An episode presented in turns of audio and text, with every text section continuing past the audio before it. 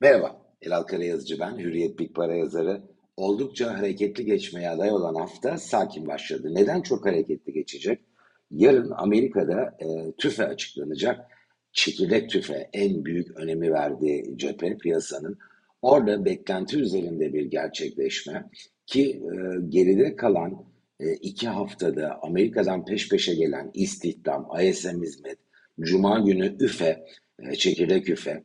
Bütün bunlar e, geleceğe yönelik enflasyon beklentilerinde kısmen e, negatif bir etken oldu. Enflasyon o kadar da hızlı düşmeyebilir kaygısı yarattı.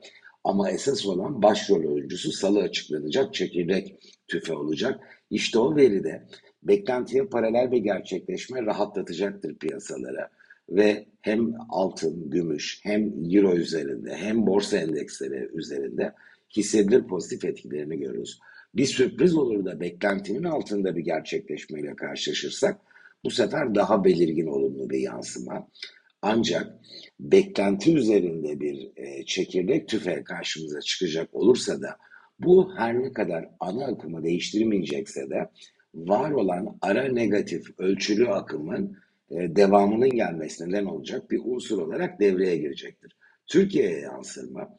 Şimdi Türkiye'de hem dolar TL'de çok stabil bir görünüm var. Bu özellikle Eylül'den itibaren geçerli ve dördüncü ayına girdik.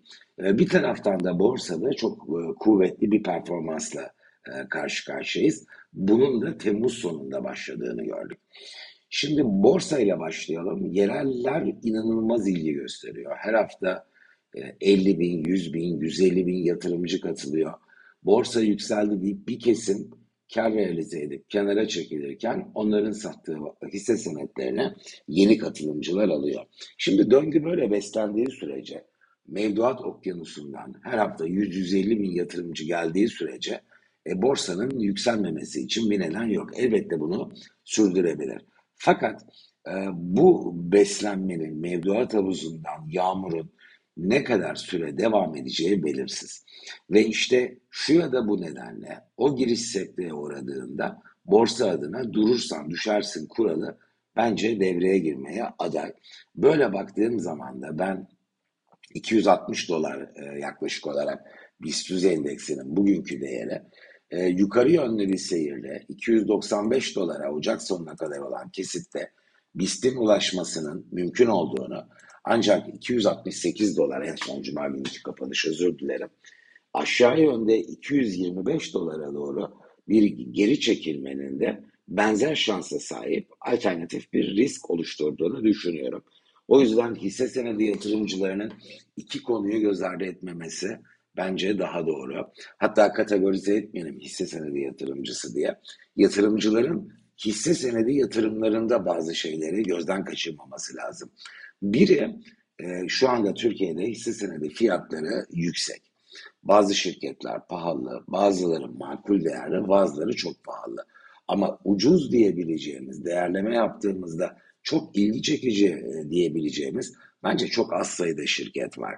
Bu da ilerleyen süreçte aşağı yönde alanı genişletiyor ve yatırımcıların zannettiğinden öte risklerin varlığını sürdürdüğünü bana düşündürüyor. İkinci bir konu, işte bu yıl borsa yüzde 170 yükseldi. Çok yaygın olan bir kanaat. Bu birazcık da duygusal. Ee, bir varlık nasıl gidiyorsa o şekilde devam edeceği düşünülüyor. 2020 yılında bu muameleye altın maruz kalmıştı. Dönün 2-2,5 yıl kadar geriye hatırlayın o günleri.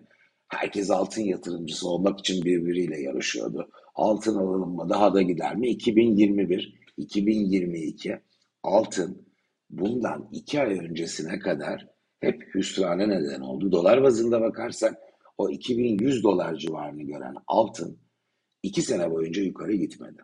Yukarı gitmediği yetmiyormuş gibi yüzde yirmi de aşağı geldi. 1617 dolara kadar indi. 2021'i hatırlayalım. En popüler olan yatırım e, seçeneği e, yerel tasarruf sahipleri nezdinde 2021'de dolardı. Herkes birbiriyle yarışıyor. Neden? Dolar çok iyi gidiyor.